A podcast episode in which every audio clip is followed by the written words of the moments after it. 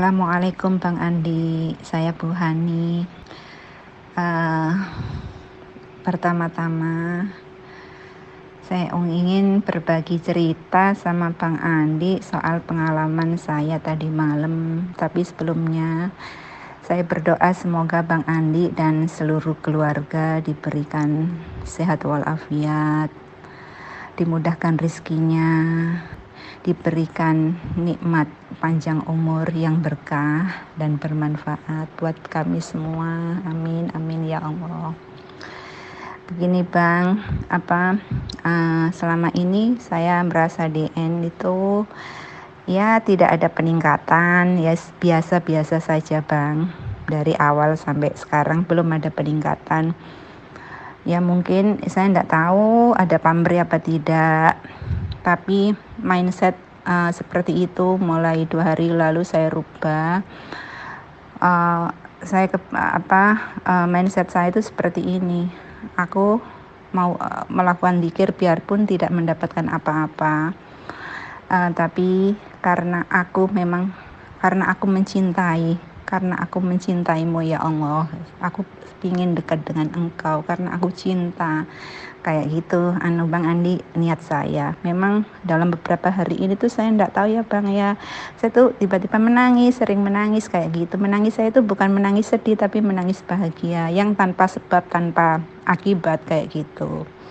Nah terus akhirnya setelah niat saya saya ingin berdiam karena karena ingin menjadi hamba yang mencintai engkau. Nah, cinta itu tak bersyarat, tak menuntut imbalan, tak menuntut apa-apa saya benar-benar karena rasa cinta tadi sehingga sholat apa pun jadi khusyuk jadi jadi ikhlas kayak gitu bang nah itu tadi malam karena saya uh, agak repot melakukan pekerjaan lembur semalam. Saya nggak sempat berzikir zikir saya mau setelah sholat subuh itu mau tidur. Itu saya zikir sambil berbaring. Terus setelah berbaring tadi itu bang uh, saya uh, tidak tahu uh, nggak nggak lama kemudian tuh cepat sekali langsung itu saya seperti dinampakkan pemandangan tuh seperti di kota di kota yang banyak lampu-lampu bersinar terang. Terus uh, kayak tubuh saya tuh melesat ke atas dalam dalam itu bayangan penampakan tadi ya bang ya pemandangan itu. Saya kayaknya itu melesat terbang ke atas melintasi kota itu dengan sangat cepat melintas itu cepat sekali bang. Saya begitu bahagia begitu senang begitu kayak merasa terbang di awang-awang melihat kota yang begitu bergemerlapan lampunya. Saya itu sambil senyum-senyum tak terasa juga jasad saya itu juga senyum-senyum sendiri. Begitu indah kok indah sekali indah sekali. Saya baru merasakan kali ini nikmat dikir nafas yang benar-benar membuat saya bahagia sekali bang. Saya sampai senyum-senyum sendiri kayak orang jatuh cinta beneran. Kayak seperti saya itu mau menemui kekasih saya gitu bang. Saya sampai menangis ini sambil cerita karena saya merasakan bahagia sekali bang kayak gitu ya jadi uh, sejak itu sejak saya ganti uh, pikiran saya saya mendekat karena saya mencintai engkau ya Allah. Saya nggak ada syarat apa-apa tidak ada maksud saya pokoknya cinta. Dengan cinta ya seperti itulah bang intinya bang. Uh, terus ya mendapatkan pemandangan seperti tadi malam yang saya sungguh bahagia sekali kayak gitu bang. Bahagia sambil senyum-senyum saya sampai suami saya itu kok saya ter itu apa terus dia loh diciumi itu saya apa uh, nafas saya ini kayaknya kok nggak bernafas ini orang. Apa saya apa mati apa nggak. Terus tangan saya kan sendakep kayak gitu bang. Akhirnya dilihat uh, terus saya merasa sadar gitu. Oh kirain tadi kamu apa? Kirain mungkin saya mati kayak gitu bang. Saya jadi tersadar akhirnya kayak gitu bang. Bagaimana ini menurut bang Andi sebelumnya? Saya ucapkan terima kasih banyak bang. Assalamualaikum warahmatullahi wabarakatuh Waalaikumsalam warahmatullahi wabarakatuh. Terima kasih Bu Fani sudah berbagi pengalaman dan terima kasih juga atas doa-doanya. Amin ya Allah.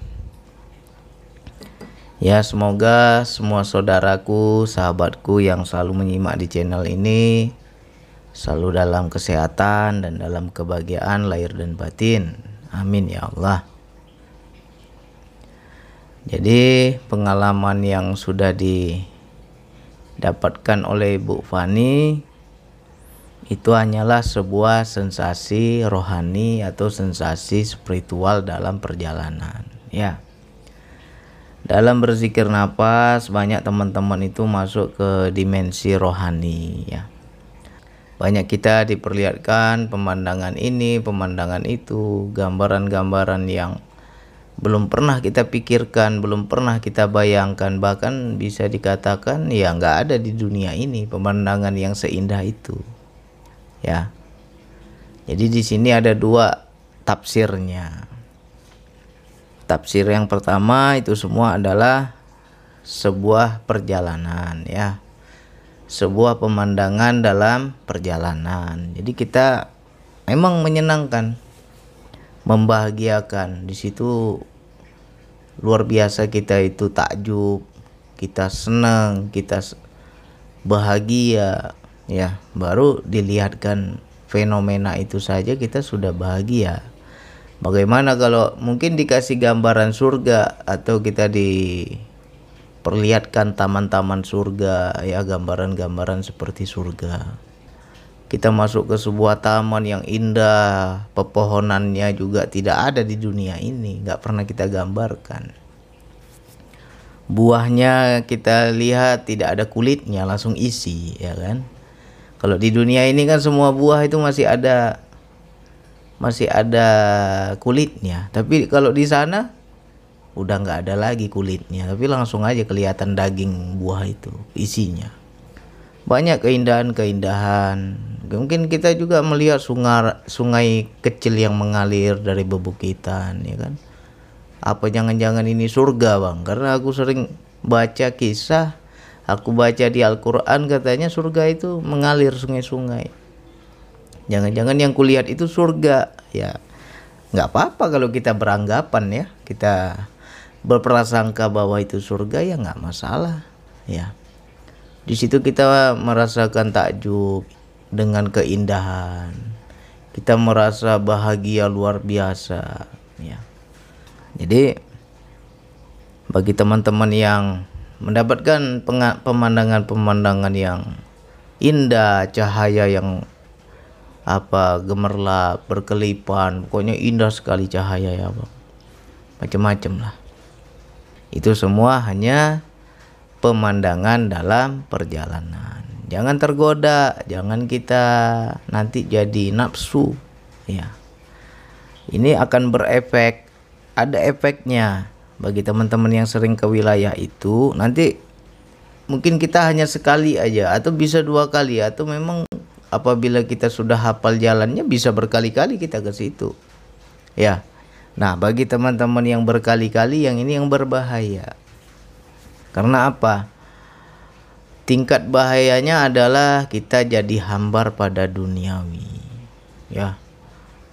Bang aku hidup ini nggak nggak nggak enak kayak dulu lagi. Rasanya mau cepat mati bang. Ada itu. Teman-teman yang mempunyai pengalaman seperti itu. Rasanya aku mau cepat menuju Allah. Rasanya nggak ada apa-apanya dunia ini bang. Di sana lebih indah lagi bang ya. Nah di situlah istilahnya diperlihatkan kampung akhirat lebih indah luar biasa dibanding dunia ini. Nah, di sini orang yang sudah menjamah ke sana, ya dia jadi hambar duniawinya. Ya. Nah, ini kalau nggak terkendali, tidak terkontrol atau tidak diawasi atau tidak dibimbing bisa gila. Karena saya sudah rasakan. Ya. Dahulu ketika saya sering main ke sana ya saya udah hambar semua. Dunia ini hidup ini hambar. Nggak ada lagi rasa ya. Pagi siang malam pagi siang malam kok begini-begini aja hidup ini. Rasanya nggak ada kenikmatan ya Allah. Nggak ada kebahagiaan yang betul-betul kekal ya Allah. Aku mau cepat aja pulang ya Allah ya Sampai-sampai saya itu setiap malam itu berpesan dengan istri, berwasiat dengan istri kalau aku mati besok begini, kalau aku mati besok begini. Ya. Istri saya marah-marah itu. Oh, orang gila kau. Katanya beriman, katanya kenal Allah tapi mati kau minta-minta katanya digituin saya sama istri saya akhirnya sadar saya ya sadar saya kalau aku pingin cepat mati ya berarti aku nggak beriman sama Allah. Dikasih nyawa dikasih hidup kan berarti kan masih ada amanah. Berarti aku lepas dari amanah. Nggak mau menjalankan amanah. Berarti minta mati itu ya ego diri kita. Ya. Nah makanya banyak kita dengar belajar itu harus ada guru belajar itu harus ada mursid jangan belajar sendiri. Ah wilayah inilah yang berbahaya. Ya kita mengamalkan ilmu ketuhanan kita mengamalkan zikir tapi kita tidak mau bertanya kepada yang lebih ahli tidak mau bertanya kepada yang sudah duluan hafal jalannya. Ketika kita mencapai tahap itu kita tidak terbimbing. Itu yang bahaya. Jadi kalau ada orang yang dia bilang Kenapa belajar ketuhanan bisa gila? Ya karena tidak terbimbing. Kenapa tidak terbimbing? Karena dia sudah sering main ke negeri sana. Pemandangannya luar biasa. Ya, nggak nggak ada papanya lagi dunia ini. Makanya di situ jadi gila, hambar. Ya. Nah, yang berbahayanya kalau kita itu sudah punya amanah itu yang berbahaya. Kalau kita hidup sendiri sebatang kara mau gila gila lah sana. Ya. Mau gila mau stres gila lah sana. Tapi kalau kita punya anak, kita punya istri, ya jangan nafsu. Jangan ego dalam berketuhanan. Nah, awalnya diperlihatkan pemandangan itu. Memang bahagia luar biasa itu bahagianya kan. Bu Fani kan dah rasakan luar biasa bang bahagianya bang. Tersenyum bahagia saya bang. Saya nggak bisa gambarkan seperti apa indahnya itu. Ya. Nah nanti kita akan menjadi gila. Gila ketuhanan. Seperti apa gila ketuhanan? Gila zikir. Gila akhirat. Dunianya terbengkalai. Ya. Asik zikir aja tiap hari di kamar. Nanti kadang suami perlu apa kita nggak mau layani Kadang anak kita perlu apa kita nggak mau layani, asik sibuk zikir aja. Nah, kalau itu sudah nggak seimbang itu bahaya. Jangan sampai kita berketuhanan itu ego, ya. Nggak boleh. Hubungan sesama antara diri kita dan Tuhan dan hubungan antara diri kita dan sesama makhluk harus seimbang. Ya, jangan kita gila ketuhanan aja. Aku senang zikir bang, aku senang melihat pemandangan ini, pemandangan itu. Aku senang ke sana bang, karena di sana luar biasa indahnya. Nah kalau ini nggak terbimbing, gila, ya hati-hati. Makanya ini saya buka aja. Banyak orang bilang belajar harus ada guru, kalau nggak ada guru bisa gila. Tapi nggak pernah dijelaskan gilanya karena apa. Sangat jarang kita dengar itu, tapi nggak pernah dijelaskan. Nah, kalau saya duluan saya gila baru saya jelaskan. Ya, saya juga udah pernah merasakan gila itu. Dua tahun saya gila, dua tahun saya tersesat, dua tahun saya gila ketuhanan. Dan endingnya yang paling parah adalah pingin cepat mati. Ya, bukan berarti kita bunuh diri, kita nggak ada niat bunuh diri, tapi ingin mati hambar hidup ini. Ya, nggak produktif, banyak melamun, banyak diam. Ya, nggak mau lagi keramaian. Nah itu udah tanda-tanda gila itu, hati-hati. Ya kan? Diajak ngobrol nggak nyambung.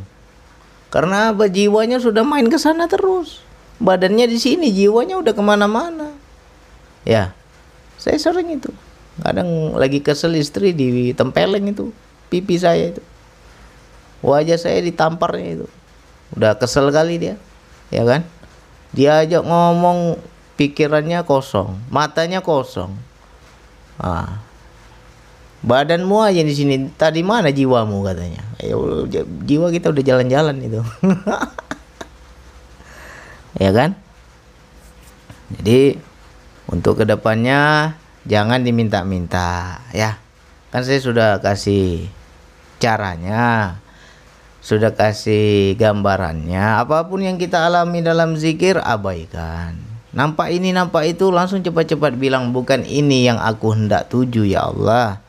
Yang aku hendak tuju itu engkau ya Allah. Bukan ini ya Allah. Nanti hilang dia. Sirna itu semua. Kita akan naik lagi ke tahap selanjutnya ya. Ini wilayah ini sangat berbahaya. Makanya saya pedas-pedas saja saya ngomong. Hati-hati ya. Jangan sampai terlena. Nah yang penting saya sudah buka. Saya sudah mengajarkan zikir nafas. Saya juga sudah kasih rambu-rambunya. Kalau teman-teman nggak nyimak nggak dengar nggak mau belajar kalau nanti gila ya rasakan risikonya. Ya yang penting saya sudah buka semua. Nah, bahagia memang bahagia. Senang senang luar biasa. Ya kita bilang nikmat bersetubuh itu nggak ada papanya ada yang lebih nikmat lagi kalau sudah masuk ke wilayah rohani itu. Ya Makanya orang-orang yang sudah gila begini terkadang itu sama istri sama suami nggak ada rasa lagi. Ya nggak ada rasa lagi. Ya itu tanda-tanda gila itu. Ciri-ciri gila. Ciri-ciri tersesat. Ya. Kita hidup harus normal. Jangan gila ketuhanan aja. Jadi kalau besok dapat lagi pengalaman seperti itu bisa lagi ke situ Ya cepat-cepat abaikan. Ya Allah bukan ini yang aku hendak tuju. Yang aku hendak tuju hanya engkau ya Allah. Nanti hilang dia Segala pemandangan hilang Ya itu tafsir yang pertama Yaitu pemandangan dalam perjalanan Ada tafsir yang kedua Kalau teman-teman di dalam zikir nafas diperlihatkan seperti itu jangan bangga jangan senang jangan takjub Memang kita bahagia kan diperlihatkan suatu pemandangan. Bang ada kota yang sangat indah, lampunya berkerlap-kerlip. Ya, luar biasa cahayanya. Saya terbang bang naik ke atas. Itu tafsirnya adalah gambaran kehidupan. Ya, seharusnya kita meninggalkan kota itu, meninggalkan duniawi itu. Itu gambaran dunia bagaimana kehidupan kita? Begitulah ditunjukkan Allah dalam zikir nafas. Kalau kita cinta dunia cinta gemerlap dunia cinta kemewahan cinta harta dalam zikir nafas diperlihatkan itu semua sama Allah. Nah itu yang harus kita waspada. Jangan kita senang diperlihatkan ini diperlihatkan itu kita senang jangan. Seharusnya kita tanya apa maknanya ya Allah jadi apa yang paling kita cintai itu yang muncul. Ya. Nah, itu tandanya kita masih kuat duniawi kita. Ditampakkan sama Allah seolah-olah nampak sebuah kota gemerlap berkilauan, lampunya indah segala macam. Itu tandanya engkau masih cinta duniawi. Dan engkau harus naik ke atas. Tinggalkan itu semua itu harus di bawah. Jangan kita di situ-situ lagi ya. Naik kita ke atas. Tujulah Allah. Jangan kita terjebak sama pemandangan yang indah itu. Itu tafsir yang kedua. Ya. Jadi jangan teman-teman ketika diperlihatkan ini diperlihatkan itu senang ya. Ada tafsirnya semua itu. Dan gak jauh-jauh beda dari kehidupan kita. Masih cinta harta masih gila kehormatan masih cinta jabatan, apalagi masih cinta kemewahan. Dunia yang lebih kita cintai daripada akhirat. Ya. Nah, ditunjukkan sama Allah itu nampak pemandangan indah-indah. Ya. Banyak teman-teman itu yang bertanya, "Bang, saya masuk ke sebuah gerbang, Bang." Dari gerbangnya aja sudah emas semua, Bang. Ya kan? Begitu saya masuk ke dalam kota itu, wah semua bangunannya penuh dengan emas. Ya. Tiang rumahnya segala macam, atap rumahnya semua penuh emas. Banyak harta di dalam kota itu katanya. Apakah aku bakal dapat harta karun ya bang? Karena aku mimpinya emas. Nah, ini jangan salah tafsir. Ya. Di sana lihat emas, di sini lihat emas itu tandanya engkau masih cinta dunia. Itu maknanya. Ditunjukkan sama Allah. Apa yang kau cintai itu yang muncul. Ya jangan senang. Duniamu masih kuat. Masih cinta kemewahan. Ya. Nah jadi hati-hati nih wilayah tafsir ini. Memang terkadang aib tapi memang harus dibuka. Yang pahit ini harus dibuka biar sadar Jangan sampai kita selama ini nggak sadar. Ya. Makanya hanya orang-orang yang zero yang mau cerita sama saya. Kalau dia nggak mau cerita ya mungkin takut aibnya terbuka satu. Yang kedua mungkin takut kena kopi pahit, ya kan? Nah ini bagi orang-orang yang zero aja ini yang siap menerima kopi pahit saya buka. Ya, jadi ada dua tadi ya, tafsir pertama pemandangan dalam perjalanan. Yang ini bisa terjebak gila ketuhanan, itu hati-hati. Dan yang kedua, bisa jadi itu adalah gambaran kehidupan kita. Apa yang kita cintai itu yang muncul. Jadi jangan senang, jangan kagum, jangan takjub. Seharusnya istighfar kita ya Allah. Ternyata kau tunjukkan di sinilah letak salahku ya Allah. Kalau bahasa manusia tuh Allah sedang ngomong engkau tuh masih cinta dunia, itu aja. Seharusnya kita sadar. Ya. Jangan terlalulah berlebihan dalam mencintai sesuatu. Nah, kalau dalam zikir nafas diperlihatkan semua itu introspeksi diri, perbaiki diri. Ya. Mudah-mudahan ini kopi pahit ini kena banyak yang kena ini, ya perbaiki diri kita. Jadi kalau nampak cahaya ini, cahaya itu jangan kagum. Ya. Itu semua ibarat kemewahan, gemerlap dunia yang membuat kita lalai kepada Allah. Membuat kita takjub, membuat kita tergoda, membuat kita lupa kepada Allah. Seharusnya istighfar kita banyak-banyak ya. Mohon ampun sama Allah. Apalagi kalau sudah ditunjukkan itu. Oke, mudah-mudahan ini manfaat. Mohon maaf kalau terlalu pahit, ya. Mudah-mudahan nggak kapok, ya. Kalau besok-besok nanya lagi, saya kasih lagi lebih pahit. Mudah-mudahan nggak kapok. Hanya itu yang bisa saya sampaikan. Wassalamualaikum warahmatullahi wabarakatuh.